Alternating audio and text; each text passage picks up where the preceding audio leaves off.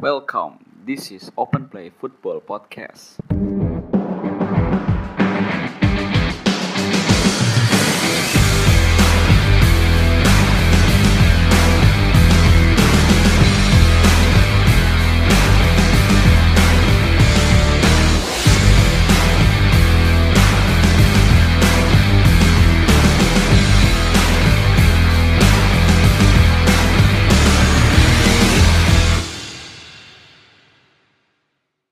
Selamat datang di Open Play Football Podcast episode 4. Masih bersama gua Fatan Mubina. Lalu di sini gue juga masih ditemani sama Pak Is. Gimana Is? Kabarnya Is? Ya, seperti biasa, alhamdulillah. Oke, siap. Lalu juga bersama eh Lampard FC aka Vigo. Gimana Go? Kabarnya Go? Ya, Malam. masih masih kesel sama Anthony Taylor ya. Ya, sabar ya, sabar, sabar. Ya, akhir pekan ini eh banyak bukan banyak sih. Cuma satu match doang. Eh ada hal besar terjadi gitu di akhir pekan ini di dunia sepak bola terutama sepak bola Inggris gitu. Di mana eh kemarin hari Sabtu ya kemarin, hari Sabtu itu ada final eh, FA Cup. Yang mana FA Cup eh, finalnya itu eh, Derby London Arsenal versus Chelsea. Yang akhirnya Arsenal menjuarai eh, FA Cup ke-14 kalinya dan yang lebih spesialnya lagi penentu kemenangan Arsenal ini adalah pemain bernomor 14 yaitu Pierre-Emerick Aubameyang. Ya, Chelsea eh, kemarin sempat cetak gol eh, pada awal-awal laga. Christian Pulisic itu golnya lumayan bagus juga. Lalu eh, disamain sama Aubameyang menit 28 lewat titik penalti pelanggarannya Aspilicueta. Lalu eh, pada menit 67 Aubameyang eh, nyetak gol lagi dari gerakan yang cukup bagus gitu mengelabui Zouma. Jadi skor eh, akhirnya 2-1. Kita nanya ini dulu lah apa fans Chelsea dulu nih. Gimana kok kemarin matchnya? Ini banyak kontroversi nih masalahnya. Menurut lo gimana kemarin matchnya Arsenal Chelsea nih? Ya, menurut gua kemarin tuh Arsenal memang memang layak menang ya. Cuma yang bikin gua kesel tuh wasitnya, keputusan wasit tuh agak-agak bias gitu. Jadi males nontonnya jadinya. Udah udah kesel main jelek, tambah lagi kesel sama wasit gitu. Bi- biasnya bias gimana? biasanya tuh apa banyak banyak pelanggaran yang ini ini kayaknya 50-50 gitu tapi Oh, sampai iya, iya, iya. gitu Iya iya iya iya benar. Kovacic Kovacic yang eh, kuning kedua terus sama Hmm. yang Mason Mount itu padahal nggak nggak nggak Mason Mount tuh padahal nggak nggak nyentuh siapa-siapa. Tiba-tiba si si Maitland Niles kalau nggak salah itu jatuh sendiri anjir. Cuma 15 menit pertama tuh Chelsea yang mendominasi terus nah habis itu udah itu Arsenal yang yang yang mendominasi lah ya yang main bagus. Chelsea Iya, di di, oh, di di press di press tuh nggak bisa nggak bisa keluar long ball terus. Tapi emang kayak gitu sih. Apa mainnya direct kan kalau Lampard itu biasanya. Dan titik lem- lemahnya kemarin tuh di sayap kanan.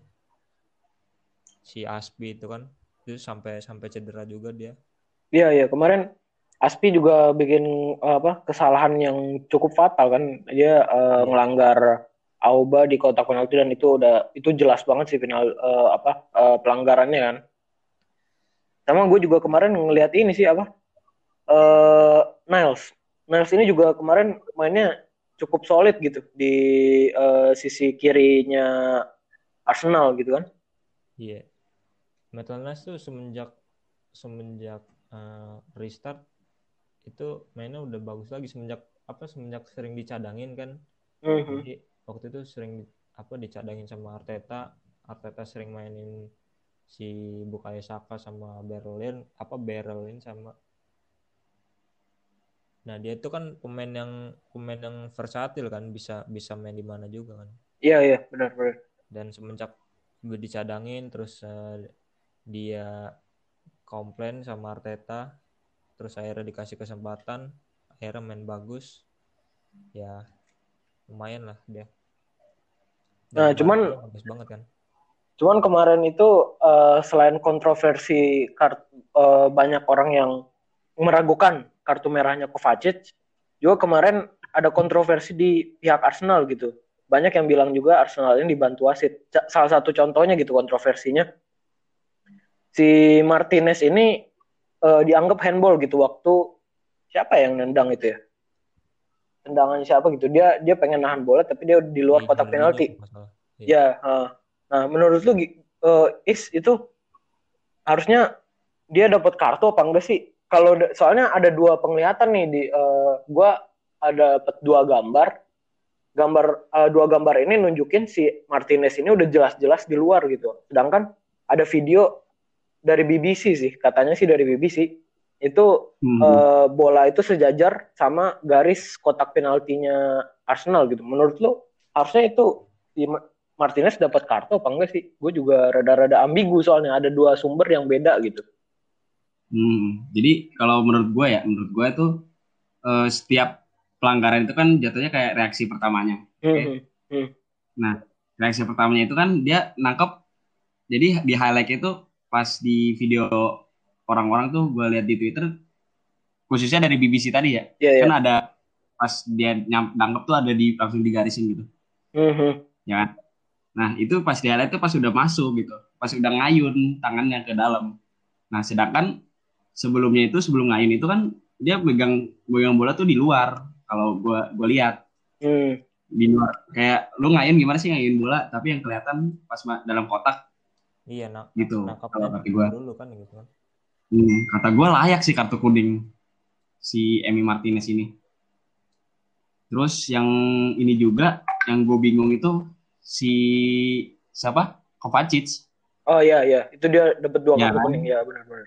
dia langsung dapat dua kartu kuning kan padahal ya kasusnya kayak sama kayak Bruno gitu Iya iya. iya. tapi Si, Saka kan. Iya. iya kan ah. sama-sama keinjek tapi untungnya itu nggak dapat nggak ada yang dapat yang kartu Iya iya iya iya. nah ini kan jadi ngerugiin si Chelsea setelah gue lihat si Kovacic ini keluar si Chelsea kayak mainnya agak tambah nggak jelas Iya, iya. Ya, apalagi ah, di Dan sial banget. tambahan dua injury kan Iya, iya, sial banget. Udah tiga pemain kan kemarin tuh cedera, habis itu main jelek. Habis itu wasitnya begitu. Jadi ya, hmm. it wasn't our gue day. takutnya ini si apa si Chelsea ini kan masih ada match lagi lawan Bayern ya. ah. ah takutnya di situ jadi si Lampard ini pasti pusing banget apalagi si polisi ini vital. Iya, Iya benar-benar. dan dan lawan Bayern juga kan eh yang yang yang cedera kan jadi jadi nambah lagi kan. Ada empat empat atau lima gitu. Sekarang nambah lagi tiga. Udah tuh si Jorginho sama Alonso tuh suspend. Udah pening pening lu Lampard. Berapa? Delapan orang sepuluh orang kali. Cuman eh, menariknya di sini tuh, eh gue lihat kayak Giroud, Mason Mount itu nggak terlalu perform. Nah, eh, pas Pulisic ini diganti sama Pedro, jadi kreativitas serangan dari Chelsea ini ju- juga jadi ngurang gitu kan. iya iya Lu ngerasa nggak sih kemarin iya permainan si Giroud sama ini kok kurang Hmm. banget gitu? yang yang bikin Kurang gua, klop ya? yang bikin gua itu kenapa masih tiga empat tiga gitu maksud gua waktu itu kan waktu Chelsea menang 2-1 kan waktu di Emirates yang di kandang Ar- Arsenal waktu itu di Liga Inggris. Iya, iya. itu kan Lampard juga main 3-4-3 kan habis tapi nggak nggak nggak nggak jalan. Akhirnya dia main 4-3-3 dan yang gua bingungin kemarin tuh kenapa kenapa lama banget dia make 3-4-3 gitu. Dan 15 menit terakhir tuh Chelsea lumayan menurut gua pakai 4-3-3 waktu Kovacic kartu merah kan habis itu nggak nggak Iya. 10 menitan gitu Diga- diganti diganti P apa diganti Asen Odoi sama Barkley itu lumayan mainnya cuma ya finishingnya jelek banget dan keburu-buru kemarin Nah Berarti kemarin eh, dalam tanda kutip si Chelsea ini masih belum cocok sama 3-4-3 ya? Iya. 343 tuh lebih ke reaksi sih. Apa dia tuh ba- banyak banyak main 343 tuh sama tim yang main 343 juga. Kalau Lampard tuh biasanya kayak waktu lawan si MU. MU. Ya, Wolves sama MU. Itu 343 dan menang. kemarin juga Arsenal juga nurunin eh, line up pemain belakang yang beda kan. Yang biasanya itu pemain belakangnya Arsenal itu eh, ada Kolasinac, David Luiz sama Tierney gitu. Nah, eh, kemarin itu yang diturunin itu Holding, David Luiz sama Tierney gitu. Kemarin kan eh, waktu si Tierney ini habis eh, lewat kan golnya si Pulisic itu ngelewatin Tierney itu ya, apa kayak ngelabuin Tierney gitu kan. Iya, iya. Nah setelah gol itu si Tierney ini mendadak bagus gitu. Kayaknya ada ada fighting spirit tambahan gitu setelah uh, Pulisic cetak gol gitu kan. Iya, gue Nah. rasa si waktu waktu waktu waktu water break tuh ngaruh banget di mungkin dikasih mot dikasih motivasi apa apa sama Arteta kan. Iya iya iya iya. Dan gue liatnya juga eh, apa permainannya PP kemarin. PP juga kemarin kan juga nyetak gol, cuman eh, itu kan di dianggap offside Bener. gitu. Dianggap off- offside si Nicolas Pepe. Kemarin permainan Nicolas Pepe, Ceballos, Xhaka itu eh, solid banget sih di lini tengahnya Arsenal. Di PP juga eh, di kanan juga cukup cukup bagus gitu. Rudiger belum bisa menurut gue ya. Si Rudiger ini belum bisa nutup PP kemarin. Itu back back andalan tuh kemarin tiga orang. Rudiger ya Rudiger Zoma Aspi ya. Rudiger, Zoma enggak, Rudig pas Aspi cedera Rudiger Rudiger Oh Zoma, iya. Vincent tuh aduh deg-degan mulu gua. Cuman ini loh apa? Eh kemarin itu di bench bukannya udah ada Kante ya? Kenapa nggak diturunin ya? Tuh, itu kan habis baru sembuh itu dari dari cedera. Habis itu gua nggak tahu dia cedera lagi atau gimana. Sama kayak ini karena William. William tuh Iya. kemarin kemarin tuh bilang Lampard dia udah udah udah fit. Nggak taunya kemarin masih apa? Dia nge-tweet tuh masih katanya masih ngerasa ada sakit gitu di ankle-nya apa apa gitu katanya. Jadi belum belum belum 100%. Jadi nggak nggak dipaksa juga.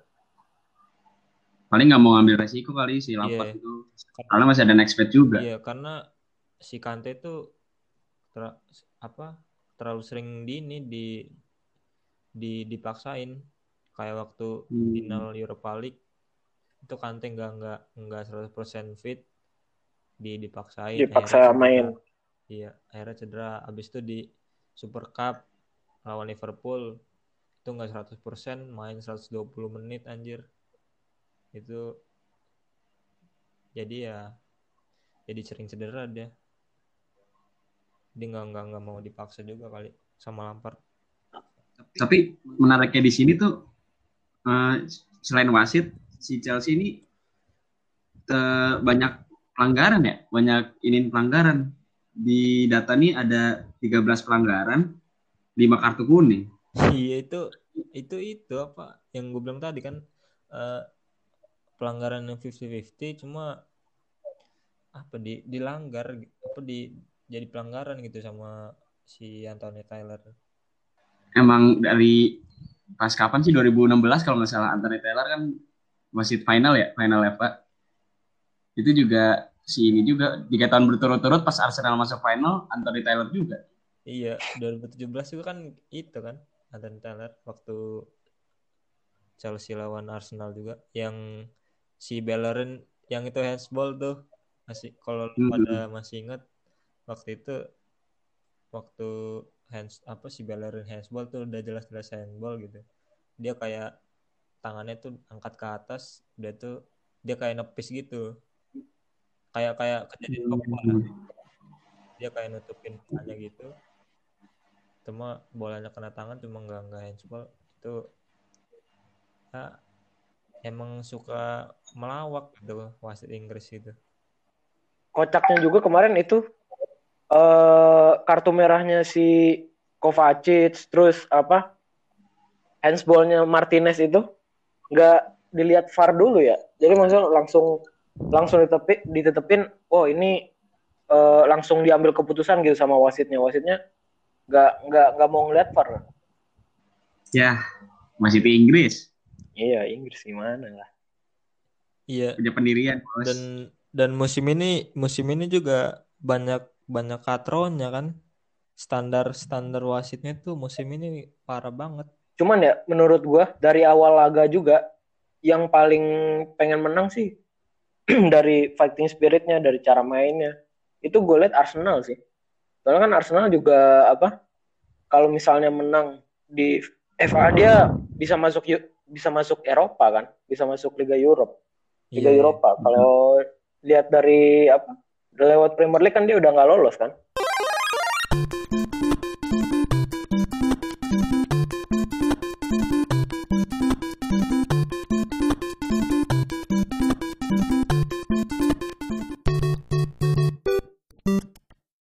Selamat ya untuk Arsenal untuk trofi ke-14-nya dan trofi pertama untuk Michael Arteta. Dan selamat juga untuk fans Chelsea udah masuk final tahun ini. Yeay, Yeay. hebat sekali. Saya cinta Anthony Taylor. Hebat sekali. Nah, eh, selain FA Cup, kita beralih ke Premier League, di mana Premier League eh, akhirnya finally selesai pada musim ini, yang mana eh, juaranya ada Liverpool setelah puasa 30 tahun gitu. Liverpool juara 30 tahun, lalu di runner up ada Manchester City, peringkat 3 Manchester United, dan peringkat 4 Chelsea. So far, eh, musim ini gimana gue menurut lo? Liverpool dengan eh, juaranya sejak 30 tahun yang lalu mereka layak atau enggak eh, dengan juara ini? Ya menurut gua layak layak banget ya. Musim musim kemarin tuh mereka kayak kayak cuma nggak nggak nggak nggak beruntung aja. Karena banyak banyak drawnya kan musim kemarin tuh musim Iya, iya. musim ini udah sebelum sebelum apalagi sebelum ini ya sebelum pandemi tuh udah di disikat semua Un- unbeaten cuma cuma kalah sama si Watford kan waktu itu Ya itu juga kalahnya eh, kayak human error, kebanyakan human error ya di Iya. lini belakangnya Li- Liverpool. dan dan musim ini juga eh, a- Liverpool nggak nggak nggak se- seganas musim kemarin kan dan kompeti kompetitornya juga menurun semua gitu Man Iya City iya. sama Man City sama backnya Chelsea sama Lampard yang yang naik turun terus MU yang naik turun juga banyak banyak banyak naik turunnya lah tahun ini tim-tim yang lain juga Nah dan eh, menariknya ini sekarang kayak hampir semua klub Premier League punya bukan semua klub ya kayak Big Four atau Big Six lah ya bisa dibilang punya trio punya trio maut mereka masing-masing gitu kayak di Liverpool ada Salah, Firmino sama Mane. Kalau City City mungkin siapa ya? City mungkin Aguero kali ya. Sterling? Aguero sama Bernardo kali ya. kalau City tuh rata golnya cuy Iya rata. Masalah City mungkin nggak ada kali ya. Kalau MU Nggak kan ada, ada Rashford, ada Rashford, Martial sama Greenwood. Chelsea ada Chelsea ada nggak ya? Chelsea juga belum belum Oh Chelsea belum ada Chelsea ya. Giroud doang. masih sering rotasi Cuma menurut lu the best attacking player gitu di masing-masing tim seluruh Premier League ini menurut lu siapa gitu yang terbaik? Menurut lu masing-masing gitu, eh, Faiz atau Vigo siapa duluan deh? Menurut gue ya, Hmm? masih kita akuin masih tajaman ini sih trio Firmansyah. Kan Firmino, terus Mane sama Salah. Itu Iya, iya, iya. udah terbukti, udah terbukti mentalitasnya juga, terus kebentuk juga mentalitas. Abis itu chemistry-nya juga ada dari tahun kemarin juga kan, udah lama juga. Jadi Iya, ya menurut gue masih terbaik Firmansyah sih.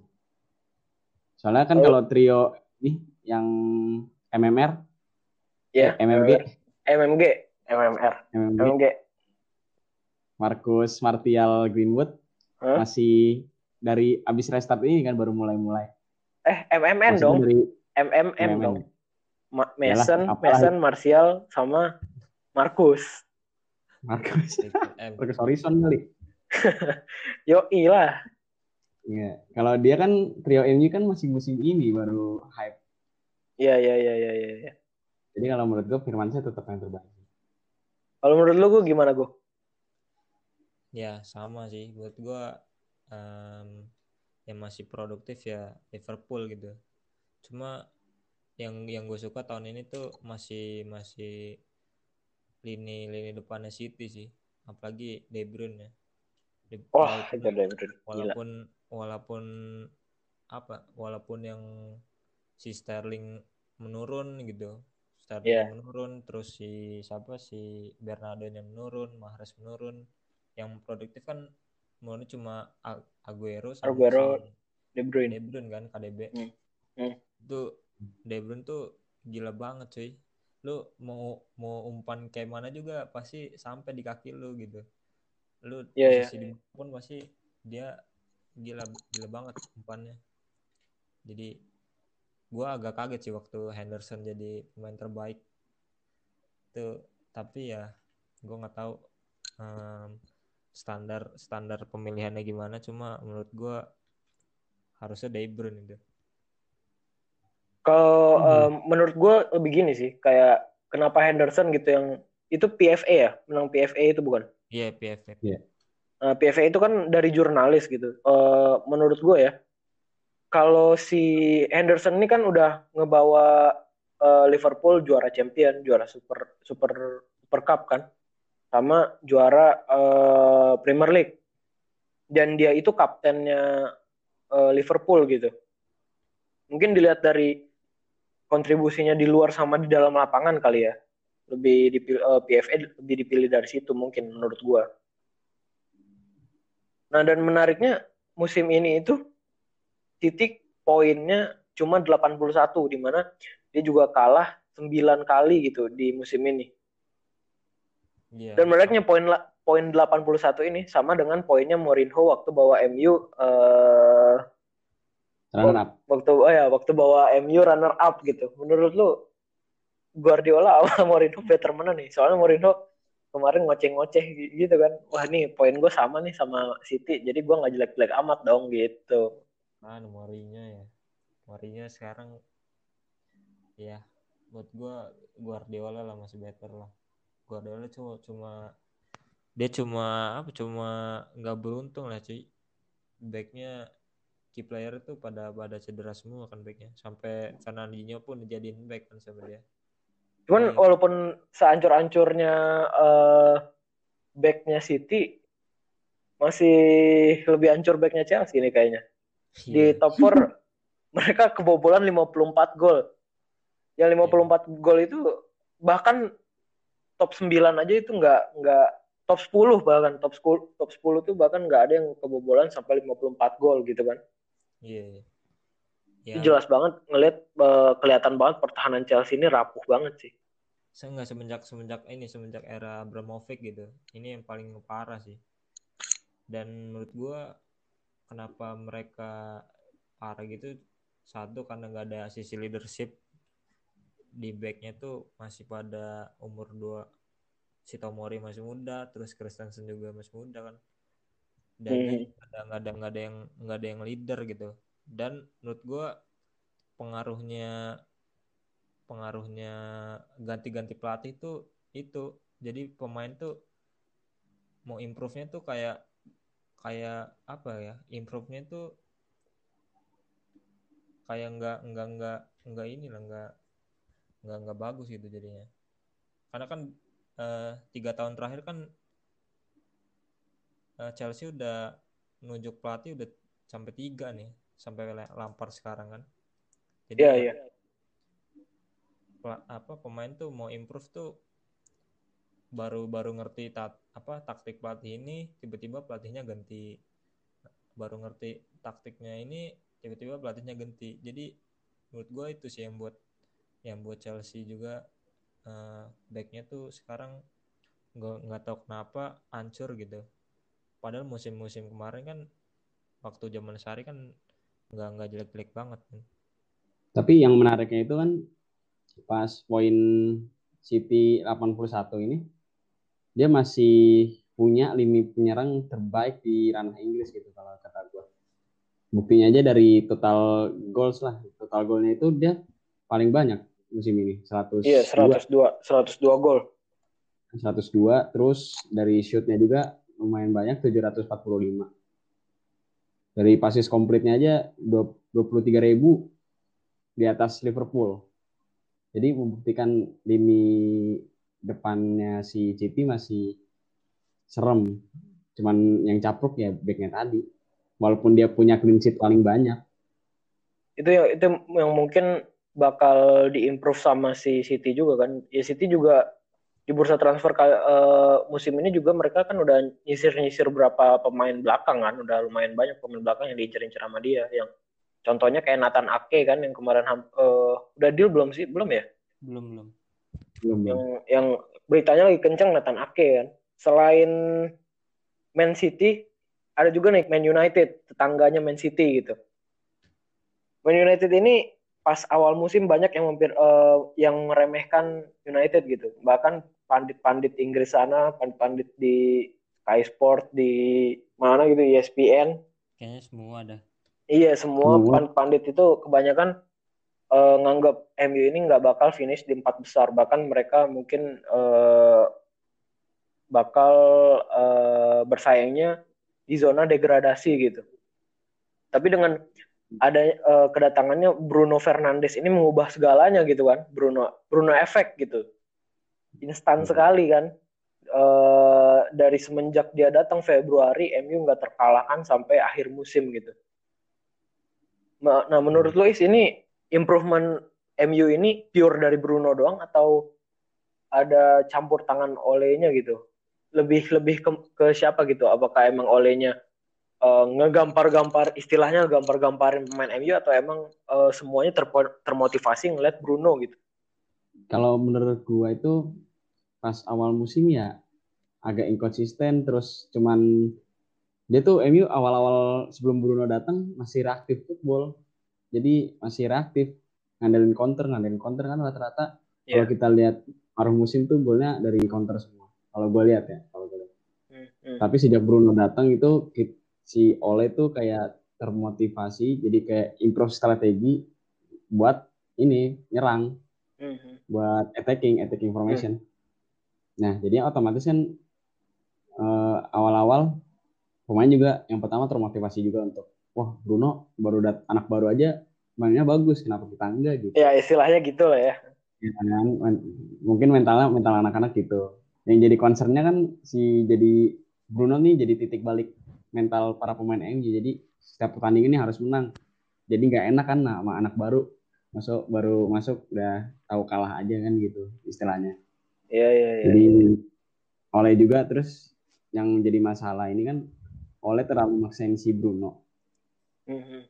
ya kan. Makanya si Ole itu butuh pelapis yang sepadan buat Bruno. Tapi untuk sampai saat ini masih belum ketemu siapa yang jadi pelapis sepadannya Bruno.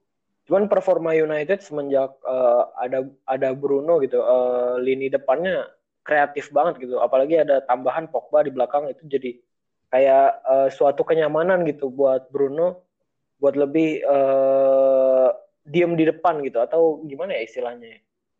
Nggak terlalu mikirin eh, lini belakang gitu. Soalnya udah ada Pogba sama Matic kan yang nge- ngejaga stabilitas lini belakangnya United juga. Gitu. Mungkin sekarang kita bahas Chelsea ya kak. Chelsea musim ini eh, dengan adanya transfer ban, terus eh, mereka juga lebih ngandelin pemain-pemain muda gitu kan. Nah, eh, menurut lu kok ini kan untung lah, beruntung banget nih bisa finish di posisi 4 gitu dan eh, ya minusnya mereka memang tim Big Ten yang paling banyak kebobolan gitu. Menurut lu eh, so far penampilannya si Chelsea ini gimana kok? Apa improvement apa aja yang harus dilakuin Frank Lampard musim depan? Ya, menurut gua musim ini udah musim yang sangat bagus gitu. Musim sangat bagus dalam artian eh, lu kena transfer ban, lu harus mainin pemain muda, pelatih pelatih lu juga baru ngelatih satu tahun gitu. Itu udah udah pencapaian yang luar biasa gitu. Apalagi mereka juga sampai tembus FA, apa final FA Cup kan. Terus juga sampai 16 besar Liga Champion itu udah oke banget sih menurut gua. Cuma yang yang kurang tuh ya itu tadi eh, kreativitas terus sama finishing dan defense-nya hancur. Dan kalau lihat di di data juga si Chelsea ini kan create chances-nya kan tinggi juga gitu. Kalau nggak salah dia ketiga aja. Kalau nggak salah tuh dia ketiga di bawah di bawah eh, Liverpool sama Man City kan. Hmm. Cuma ya itu tadi finishingnya hancur banget. Dan untung eh, Lampard juga udah beli dua pemain kan so far. Iya, ada si Werner sama Ziyech. sama Ziyech kan. Jadi ya musim ini tuh gue nggak nggak nggak nggak nggak nyangka juga bakal masuk Liga Champion gitu kan. Dan semua orang juga menurut gue nggak nggak nggak nyangka gitu. Eh, semua orang tuh waktu awal musim tuh kayak ya mungkin cuma Europa League atau mungkin 10 besar. Cuma ya Lampard ngebuktiin eh, omongan orang dia ngebuktiin omongan orang salah gitu kan sampai finish di Liga Champion tuh udah oke banget menurut gua cuma ya harus dibenahin defense-nya kalau enggak ya gini-gini terus aja Ini kan otomatis dia pakai pemain muda minim pengalaman juga. Iya. Ya kan? Hmm. Tapi dari segi memasukkan tuh dari segi golnya cukup tinggi sih. Dia ketiga kalau nggak salah sih di bawah Liverpool.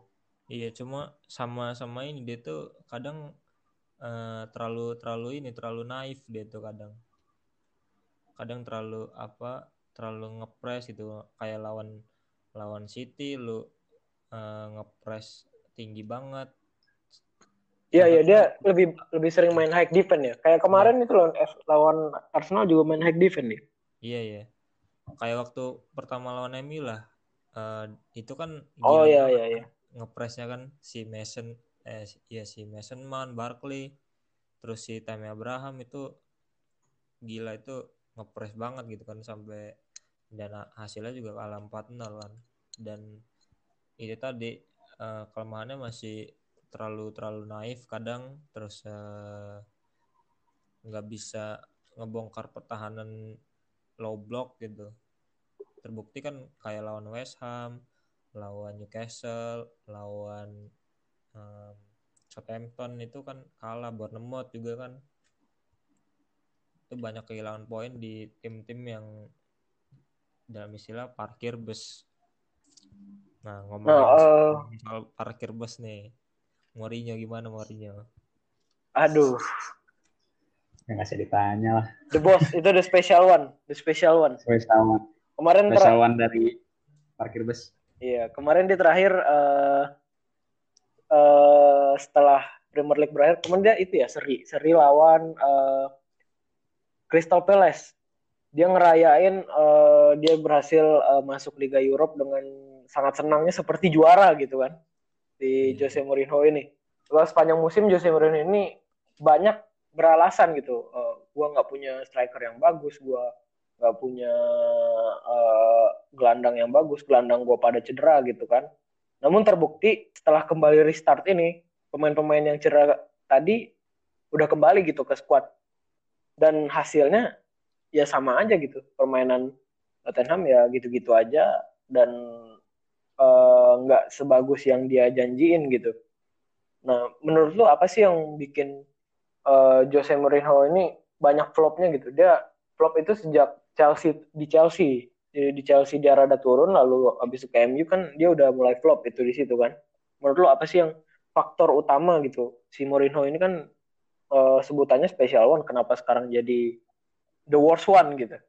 Ya, dia kan ini terlalu ngandelin satu taktik yang itu-itu doang. Menurut gua taktik dia udah agak usang kalau dipakai zaman sekarang. Ya kan? Soalnya kan zaman Iya. sekarang di ini dari jadi semua lini tuh harus terlibat dalam serangan. Sedangkan dia lebih ke reaktif banget, reaktif attacking. Jadi kalau kata gue sih ya menurut gue harus diimprove sih strateginya dari Mourinho ini. Gue tahu dia pelatih cerdas, cuman kalau lu maksain pakai metode usang ya sama aja.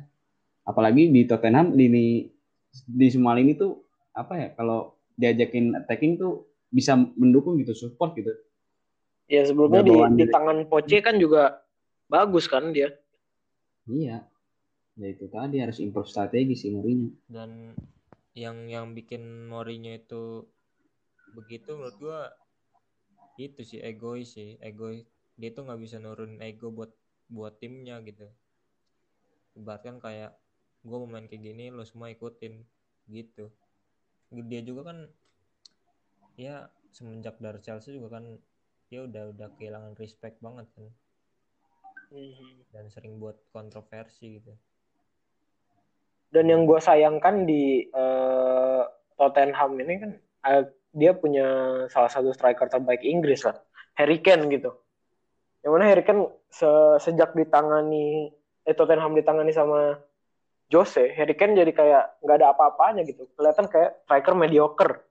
Nah dan katanya Tottenham juga pengen improve improve eh, banyak kan di eh, skuadnya musim depan yang menurut gue yang harus diimprove ya itu bagian pelatihnya sih bukan bagian pemain. Soalnya di sistem Pochettino juga udah pada jalan kan udah maksudnya bahkan dia bisa nembus semifinal UCL iya.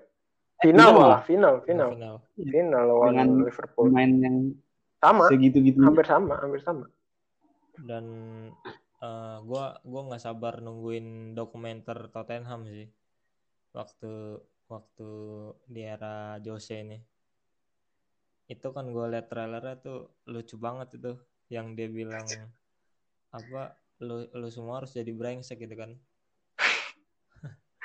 Anjir. itu di di di Amazon Prime video ya? Eh, Amazon Prime Iya, itu ya? di Amazon nah, biarkanlah Tottenham dengan masalahnya sendiri ya kita nggak tahu juga ini eh, Jose Mourinho bakal bertahan lama berapa lama lagi di Tottenham gitu. Yang gue sayangkannya itu eh gue kalau misalnya boleh milih ya gue lebih pengen eh, Wolves gitu yang ke Europa League dibanding Tottenham soalnya Wolves ini tim kuda hitam yang eh, udah dua tahun ini bagus gitu loh dengan pemain-pemain Portugalnya dan pelatih Portugalnya. Nah, menur- menurut lu Wolves ini tahun depan bakal jadi kayak gini lagi atau malah flop gitu? Apa yang harus diimprove lagi dari eh, Wolves ini?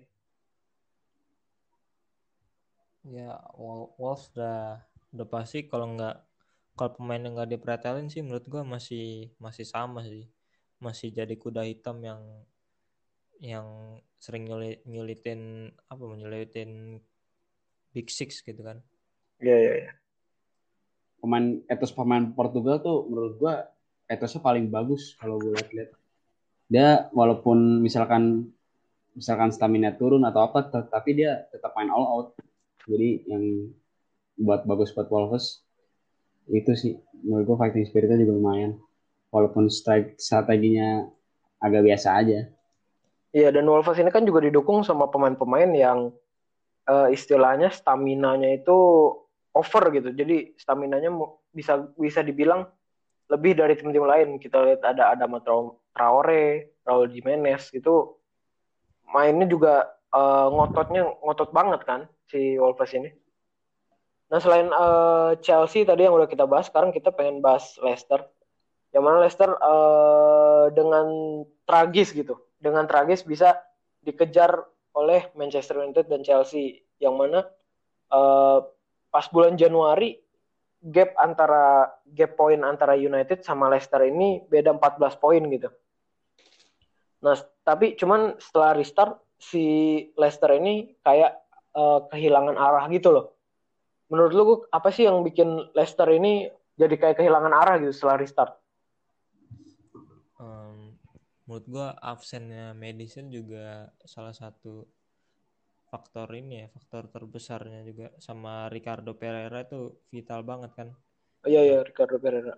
Ah, habis itu tipikal tipikal Roger sih menurut gua kayak lu ngegas kayak waktu zaman Liverpool lah yang dia udah udah mau udah mau juara tiba-tiba terakhirnya anjlok gitu Iya iya.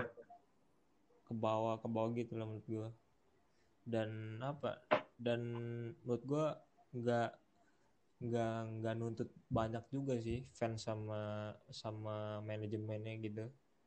Kalau menurut lu kan eh, kemarin itu si Leicester ini juga banyak eh, blunder itu atau kesalahan di lini belakang gitu kayak Ryan Bennett yang apa nggak bisa ngecover pemain dan eh, back, back tengahnya abis ditinggal Soyuncu itu juga makin hancur kan eh, lini belakangnya. Nah menurut lo is improvement apa sih yang harus di improve sama Leicester gitu? Dari gue sih ini buat peran di belakangnya Fardi ini cukup ini sih kayak cukup hilang si Fardinya. Dari kemarin kan eh, si pas key playernya udah nggak ada si Fardi ini kan bekerja cukup keras. Menurut gue iya iya. iya. jadi kayak butuh improvement di bagian situ sih bagian attacking midfield kalau nggak salah. Atau nggak second striker lah. Soalnya kan Ayoze Perez juga mainnya kadang bagus banget kadang ya ya so-so aja. Mhm. jadi itu sih yang harus diimprove dari Manchester Lain Leicester lain juga dengan Arsenal gitu kan. Arsenal ini eh, walaupun lolos ke Liga Eropa tapi dia di Premier League eh, ada di posisi 8. Menurut lu menurut lu berdua nih dengan komposisi eh, pemain yang sekarang dan juga dengan taktik pelatih yang sekarang Arteta itu menurut lu Arsenal pantas nggak sih di berada di posisi 8 sekarang gitu? Ya, gua rasa harusnya sih peringkat 6 mereka itu ya. Cuma ya apa yang lo harapin kalau back lu kayak David Luiz, Mustafi gitu-gitu kan. Banyak banyak kan juga kan eh, Arsenal kan kebobolan karena individual error kan. Iya. hmm. Kayak David Luiz eh, tiba-tiba kartu merah, dia narik lawan, tiba-tiba dia kadang-kadang lawak lah gitu, suka-suka suka bercanda gitu kan. Hmm, hmm, hmm. walau cuma dari dari dari segi permainannya tuh eh, improve banget gitu. Dari yang tadinya di bawah Emery itu lu kalau ngelihat Arsenal tuh pemainnya tuh kadang suka bingung ini gue mau ngoper ke, ke siapa? gitu kan. Dan sekarang tuh kalau lu kalau lu nontonin Arsenal kalau lu apa di kalau Arsenal itu di press ya itu gampang banget sekarang keluarnya dan build up-nya bagus ya, Ya, build up-nya udah udah udah tenang nah. dengan dengan back yang apa dengan pemain yang seadanya gitu tanda kutip seadanya gitu Arteta bisa bisa menyulap gitu tanda kutip menyulap jadi mainnya lumayan lah gitu. Walaupun ya tahu sendiri lah Arsenal. Cuma ya itu tadi banyak banyak juga yang harus diimprove kan. Dan ya ownernya kan lu tahu sendiri kan pelit Iya, iya. Depan. semoga aja improve dah Semoga aja tahun depan uh, Arsenal tambah membaik ya. Dan Arsenal juga ini menurut gua dia juga ketolong sama uh, Aubameyang uh, adanya Aubameyang gitu kan. Aubameyang ini juga salah satu uh, apa striker terbaik di Premier League gitu. Menurut lo Is uh, untuk lini depan dan lini tengahnya si Arsenal ini perlu berapa pemain gitu yang uh, ditambahkan ke dalam skuadnya gitu? kalau menurut gue sih lini tengah udah lumayan paling cuma di satu atau enggak dua apalagi udah ada kalau si Arteta bisa manfaatin Ozil sama Ceballos juga udah bagus banget kalau kata gue terus yang jadi perhatian kan di lini belakangnya dia agak ringkih kalau kita lihat Ya, ya. terus blunder-blunder konyol sama yang satu lagi nih yang di harus diperhatiin sama Arsenal yang paling penting mental mentalitas sih mentalitas dari Arsenal sendiri. Kita lihat dari awal musim juga kayak kaptennya kurang bersuara lah dibanding daripada tim-tim lain gitu. Iya, kaptennya Jadi- Auba ya. jadi kayak dia kalau Auba kalau menurut gua kaptennya agak pasif sih.